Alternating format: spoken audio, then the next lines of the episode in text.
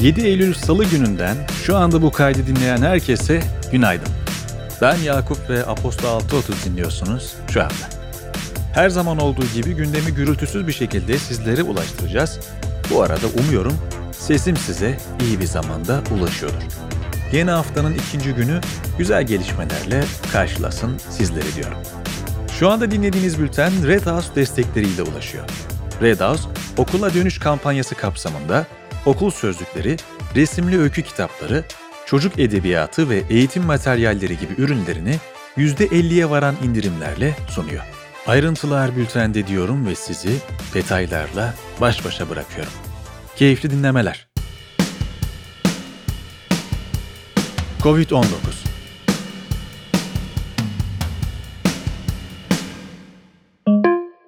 Sağlık Bakanı Fahrettin Koca, dünkü Covid-19 tablosunu nihai çözüm aşı, aşılarımızı tamamladığımız zaman Covid-19'a karşı özgürlüğümüze kavuşacağız notuyla paylaştı. Öte yandan dün günlük vaka sayısı 20.962, günlük iyileşen kişi sayısı 29.327 olarak kaydedildi. Piyasalar ve ekonomi Avrupa elektrik fiyatları, küresel enerji talebindeki artış ve doğal gaz piyasasındaki tedarik sıkıntıları sebebiyle 2008 seviyelerinin üstüne çıkıp rekor kırarak megawatt saat başına 90 avroyu aştı. Alüminyum fiyatlarında görülen uzun süreli artış trendi yine de yaşanan siyasi kargaşa nedeniyle hız kazandı. Alüminyum fiyatları Londra Metal Borsası'nda ton başına 2727 dolara çıktı. Rusya merkezli alüminyum üreticisi Rusal, kriz kötüleşirse personelini Rusya'ya geri çağıracağını söyledi. İspanya, ilk kez düzenleyeceği yeşil tahvil ihracından 5 milyar avro kaynak sağlamayı hedeflediğini duyurdu. Fransa ve İtalya'nın ardından düşük karbonlu ekonomiye geçiş planını belirten İspanya ile bu yıl 286 milyar avro değerinde sürdürülebilir finansman ihracı sunuldu. İş Dünyası ABD merkezli çip ve telekomünikasyon ekipman şirketi Qualcomm, Renault'un elektrikli Megane modeli için çip tedarik edeceğini açıkladı. Modelin bilgi eğlence sisteminde Qualcomm'un da Android telefon pazarındaki partnerlerinden Google'ın yazılımı kullanılacak. Piaggio, Honda, Yamaha ve KTM, scooter, moped ve motosiklet gibi hafif elektrikli araçlarda sürdürülebilir pillerin kullanımına teşvik etmek için konsorsiyum kurdu. Değiştirilebilir Piller Motosiklet Konsorsiyumu'nun pil ömrü, şarj süreleri, altyapı ve maliyetler gibi konulara odaklanacağı ve değiştirilebilir piller için uluslararası standart teknik şartnamelerin belirlenmesi üzerinde çalışacağı bildirildi.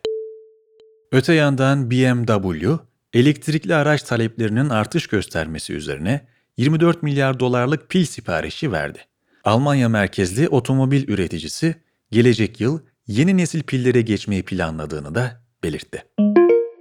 Ryanair, Boeing 737 jetlerinin yeni siparişleri için Boeing ile gerçekleştirdikleri görüşmeleri fiyat anlaşmazlığı nedeniyle sonlandırdıklarını duyurdu. Ryanair İcra Kurulu Başkanı Michael O'Leary, anlaşmaya varılamadığı için hayal kırıklığına uğradıklarını söyledi. Binance, 10 Eylül'den itibaren Singapur'daki Singapur doları işlem çiftlerini sınırlayacağını ve Singapur doları ile ödeme seçeneğini kaldıracağını duyurdu. Ayrıca Binance uygulamasının ülkedeki App Store ve Google Play Store mağazalarından da kaldırılacağı açıklandı. Binance, birçok ülkenin düzenleyicilerinin yaptırımlarıyla karşı karşıya kalıyor. Geçtiğimiz aylarda Birleşik Krallık, İtalya ve Hong Kong'da da yetkililer Binance'in bazı faaliyetlerini sınırlamış ve durdurmuştu. ABD Adalet Bakanlığı da Binance hakkında soruşturma başlatmıştı. Politika Gine'de Cumhurbaşkanı Alfa Kondo'nun ev hapsinde olduğu duyuruldu. Valiler görevden alındı ve bakanların ülkeden ayrılması yasaklandı. Bakanların resmi araçlarını orduya teslim etmeleri talep edildi. anayasanın askıya alındığı ve yeni bir anayasa için çalışmalara başlanacağı açıklandı. 2011'de Kondu'nun yönetimine karşı çıkılmış ve konutuna roketli saldırı düzenlenmişti. Kondu, 2020'de %59,49 oyla üçüncü defa Cumhurbaşkanı seçilmişti. Birleşmiş Milletler ve Türkiye'nin yanı sıra Afrika Birliği ve Fransa'da askerin yönetime el koymasını kınadı. Rusya Dışişleri Bakanlığı, Kondu'nun serbest bırakılmasını isterken ülkedeki siyasileri barış ve müzakereye çağırdı. Oxford Üniversitesi'nden Samuel Rimani, Rusya'nın Batı Afrika'daki en güçlü ortaklarından biri olması ve Kondu'nun 3. dönemini desteklemesi sebebiyle yine de yaşananları yakından takip edeceğini düşünüyor. Taliban, Afganistan'daki Penşir Vadisi'nde direniş güçlerini yendiklerini ve bölgede kontrolü sağladıklarını iddia etti.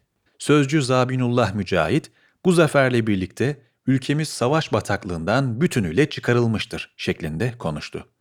Ulusal Direniş Cephesi ise savaşmaya devam edeceklerini ve stratejik pozisyonlarda varlıklarını sürdürdüklerini belirtti. Taliban, yeni hükümetin kuruluş törenine Türkiye'yi de davet etti.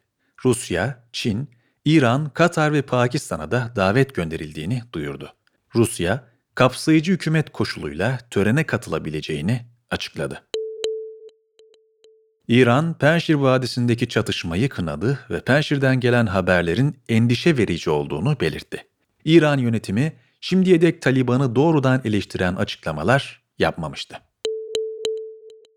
Taliban'ın ülkedeki özel okullarda okuyan kadın öğrenciler için peçe zorunluluğu getirdiği belirtildi. Kadın öğrencilerin yalnızca kadın öğretmenler ya da yaşlı ve iyi karakterli erkekler tarafından eğitim alabileceği aktarıldı. Zabihullah Mücahit, geçtiğimiz cumartesi günü bir grup kadının işit haklar talep etmek için gerçekleştirdiği protestoda kadınlara şiddet uyguladığı belirtilen dört erkeğin tutuklandığını söyledi. Brezilya Devlet Başkanı Jair Bolsonaro ve müttefiklerinin askeri bir darbe yapmaya hazırlandığı iddia edildi. Aralarında eski başbakan ve cumhurbaşkanlarının da yer aldığı bir grubun yayımladığı ortak açıklamada Brezilya'da bugün gerçekleşmesi beklenen mitinglerin demokrasi için bir tehlike oluşturduğu belirtildi. Mitingler, geçtiğimiz yıl ABD'de Donald Trump taraftarlarının kongre binasına saldırmasına benzetildi. Ülke genelindeki gösterilerin dünyanın en büyük üçüncü demokrasisinde bir darbe korkusunu beslediği ileri sürüldü. Şırnak'ın İdil ilçesinde 7 yaşındaki bir çocuğun zırhlı aracın çarpması sonucunda hayatını kaybetmesine ilişkin bir polis memurunun ifadesi alındıktan sonra serbest kaldığı belirtildi. İdil Cumhuriyet Savcılığı ölümlü trafik kazası gerekçesiyle soruşturma başlattı. CHP İstanbul Milletvekili Sezgin Tanrıkulu olaya bu aşamadan sonra failin cezasızlık zırhından faydalanmaması için etkili bir soruşturma yürütülmelidir sözleriyle tepki gösterdi. Adıyaman, Ağrı, Bingöl, Van, Urfa ve Şırnak barolarının da aralarında bulunduğu 14 baro, etkin ve adil soruşturma yürütülmesini talep ettikleri ortak bir açıklama yayımladı. CHP Merkez Yönetim Kurulu, Bolu Belediye Başkanı Tanju Özcan'ın uyarı istemiyle disiplin kuruluna sevk edilmesine karar verdi. Parti sözcüsü Faik Öztrak, konuya ilişkin Bolu Belediye Başkanı'nın bir kadın hemşerisi hakkında yaptığı yakışıksız açıklamayı kabul edebilmemiz, sindirebilmemiz mümkün değil, dedi. Öte yandan CHP Erzurum İl Başkanı Bülent Oğuz bir kadını taciz ettiği iddiasından sonra istifa etti. Teknoloji ve Startup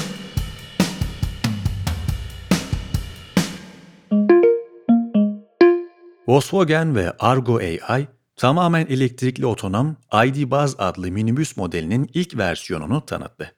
Otonom ID Buzz araçlarla 2025 yılından itibaren Almanya'nın belirli şehirlerinde yolculuk yapılabilmesi hedefleniyor. Uygulama izleme firması App Annie'nin verilerine göre Birleşik Krallık ve ABD'de kullanıcılar TikTok'ta YouTube'dan daha fazla vakit geçiriyor. Ancak YouTube, kullanıcı sayısının çok daha fazla olması nedeniyle harcanan toplam süre bazında ilk sırada yer alıyor. Rusya, muhalif lider Alexei Navalny ile bağlantılı olan ve parlamento seçimlerinde iktidar partinin nasıl zayıflatılabileceğine yönelik tavsiyeler içeren internet sitesini kapattı. Daha önce de Navalny destekçilerinin kullandığı mobil uygulama, uygulama mağazalarından kaldırılmış ve Rusya'nın Google ve Apple'ı bu konuda cezayla tehdit ettiği iddia edilmişti. Spor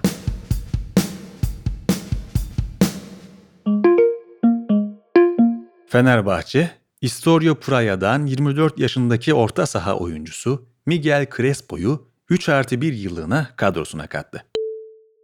Aytemiz Alanya Spor eski oyuncusu Emre Akbaba'yı Galatasaray'dan bir yıllığına kiraladı. Ayrıca Alanya Spor teknik direktörlük görevine de Bülent Korkmaz'ı getirdi. Formula 1'de Alfa Romeo takımı Mercedes pilotu Valtteri Bottas'la birden fazla yılı kapsayan anlaşma imzaladığını ve 2022 yılında Bottas'ın kendileri adına yarışacağını duyurdu. Liverpool futbolcularından Nebi Keita'nın milli maç için gittiği Gine'de yaşanan siyasi istikrarsızlık sebebiyle mahsur kaldığı iddia edildi.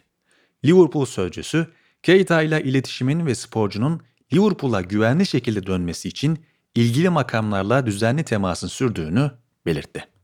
Spor dünyasında öne çıkan diğer gelişmeler ve günün öne çıkan karşılaşmaları için bülteni ziyaret etmeyi unutmayınız.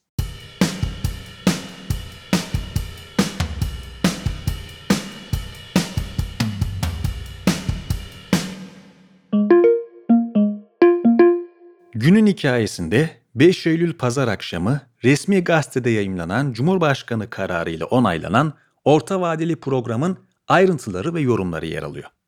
Türkiye ekonomisinin 2022-2024 dönemindeki yol haritasını belirleyen orta vadeli programla ilgili detayları merak ediyorsanız bülteni ziyaret etmeyi ve Günün Hikayesi kanalından detaylara ulaşmayı unutmayınız.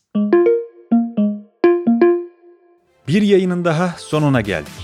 Ben Deniz Yakup.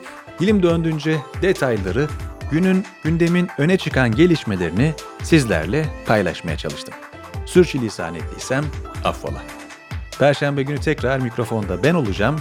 Her zaman söylediğim gibi o gün lütfen kimselere söz vermeyin. Tekrar buluşalım. O vakte kadar kendinize iyi bakın. Hoşçakalın.